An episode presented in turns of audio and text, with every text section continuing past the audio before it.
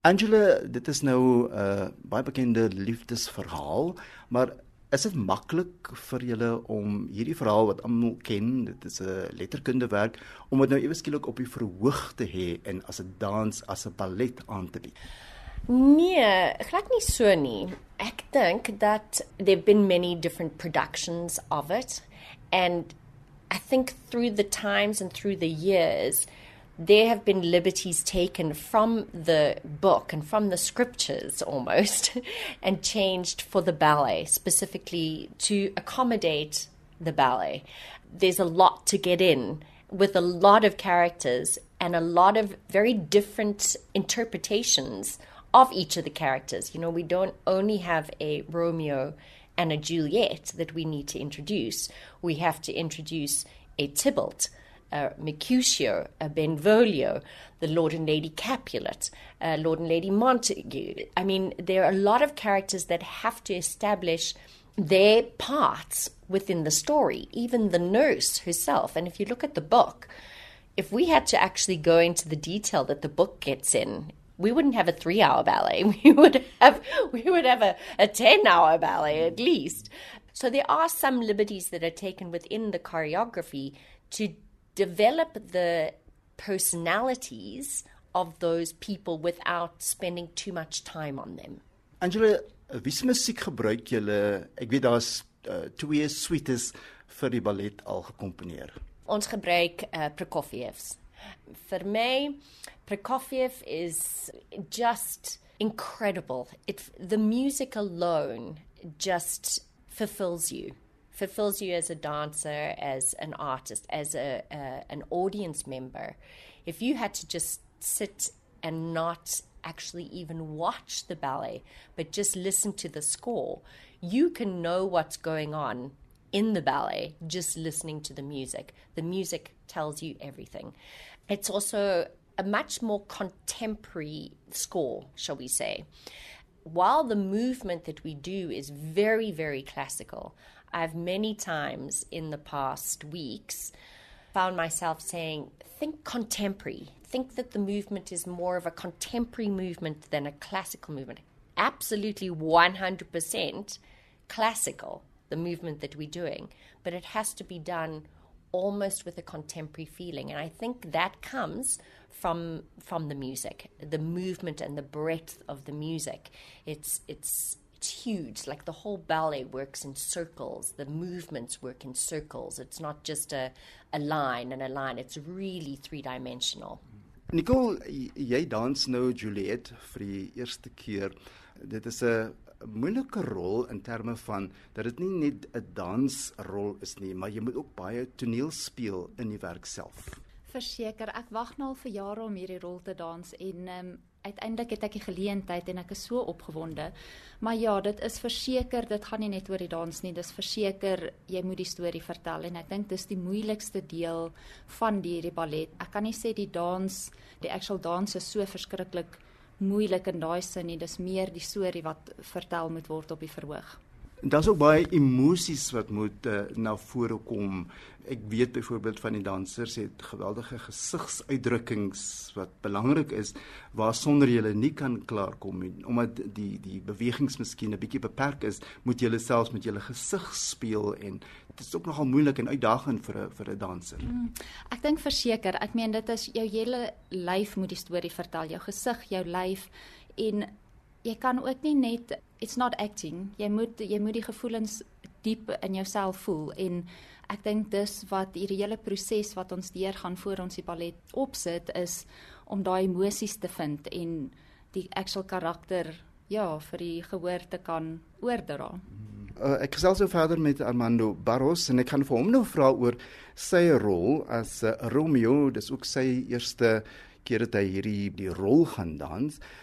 En kom ons hoor wat sê hy oor die rol van Romeo en die uitdagings wat hierdie eh, rol vir hom bied. So I think what one of the big challenges like to do Romeo is that you always like have to find that age to interpret on stage and how you're going to bring that age and make people believe that you have that specific age. And in this case we basically talking about teenagers children that are falling in love but yet we are full grown adults. Uh, so I, I think that's like one of the main challenges because in this case, myself and Nicole, we've been dancing together for quite a long time. So the romance and falling in love it's quite easier to to to bring that like across but the um, the the age and the innocence and uh, the way that you play with each other i think that's the biggest challenge ek gaan nou ook vir hom verder om te vra om te verduidelik oor die tegniese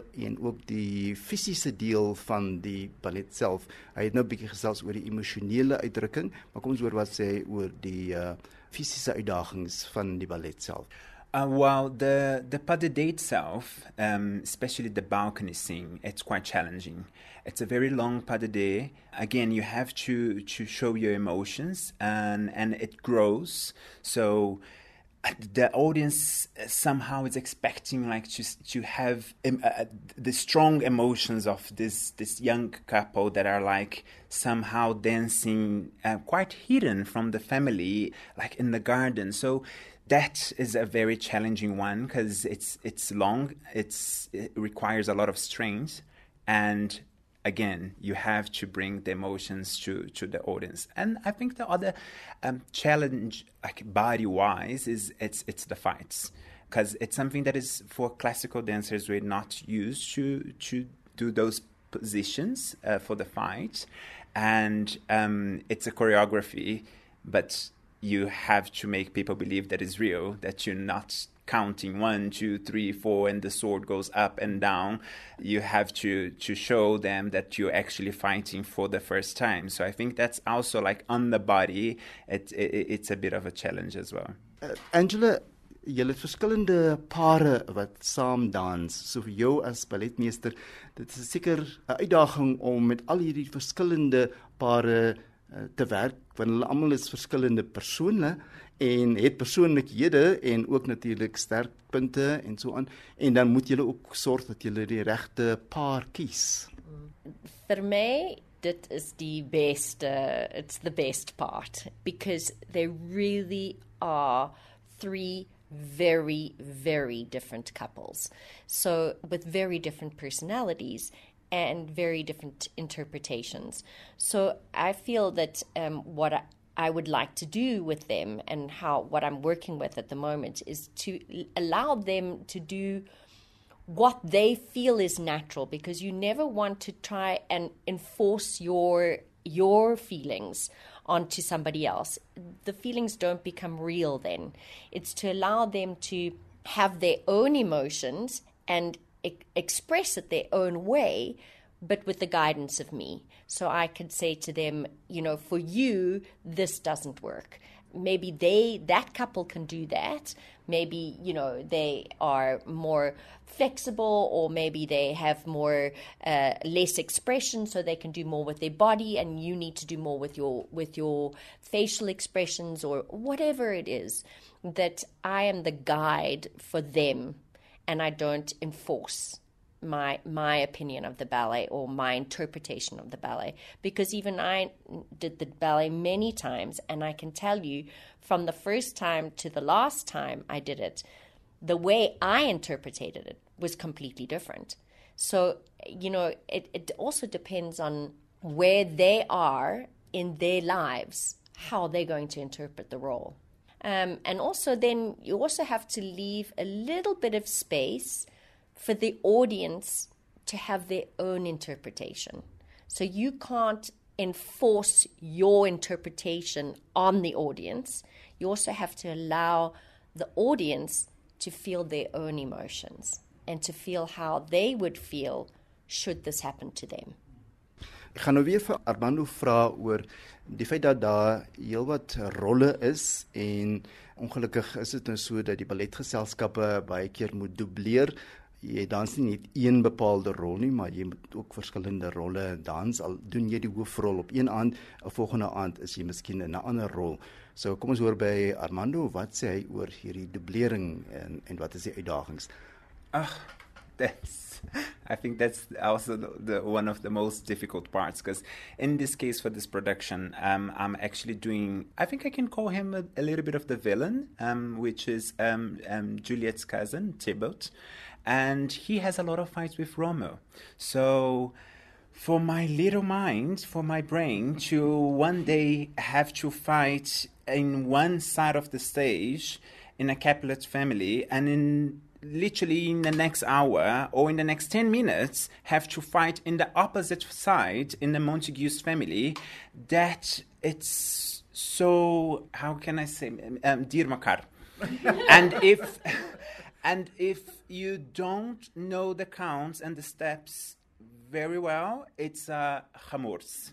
It's really, um, yeah, but it's part of the company. I, mean, it's part of your growth to also learn different characters and one day you you the villain another day you you the prince and yeah i think it's part of like how you grow like learning how to to interpret different characters in different days in in in a company En dan kom ons hoop om oor moontlike beserings dat die mense nou maar versigtig is dat jy nou nie vir jou onnodig beseer en dan wanneer jy jou hoofrol moet dans dan is jy miskien nou nie in staat om dit te kan doen nie en bietjie terughou. Yeah, it's a very difficult balance because you you have 2 months to prepare for this production and you want to do your maximum but you also know that you cannot do 100% every day. Some days you wake up with uh, your leg sore, and other days your your neck is sore. Like you, your body's never hundred percent perfect. Like for you to do full out every day, and you want to protect yourself so you can make by by by the actual production um, and and be on stage. So I think you it's a, a, a case of like maturity throughout the year you learn how to work your body you know what you need and uh, you, you just need to make sure that you you're keeping yourself well to not get injured. Yet, an injury can happen at any second in the floor, especially, and we usually think, oh, ballet dancers, automatically we think about their feet if we sprain our ankles, but even with a fight, with a sore fight, if somebody hits my hand, I'm off and I cannot do the season because I, will not be able to lift the, the, my partner. I'll not be able to do anything. So it's it's not just the feet, it's your whole body that you constantly need to be aware and, and careful about how you work. Nicole, dis nou ook jou eerste keer dat jy nou Juliet gaan dans. Het jy al enige ander rolle gedans wat ook baie emosioneel uitdagend vir jou is? Mm, ek het al 'n hele klomp gedans wat ehm um, ja, wat baie emosies het. Maar ja, hierdie is net ek dink dis soos Angela gesê, dis waar jy is in jou lewe en wat al in my lewe, my persoonlike lewe gebeur het wat ek kan gebruik om die storie te te vertel. So ag ek geniet dit vreeslik baie. Dit is dis vir my so lekker om na daai emosionele plek toe te gaan en ek dink op die verhoog met al die ligte en waar dit net jy en jou dansmaat is, dink ek gaan dit net wonderlik wees om daai emosies uit te bring en hulle regtig te voel. Wanneer begin die speelvak? Ons begin 30 Junie en ons eindig uh, 9 Julie.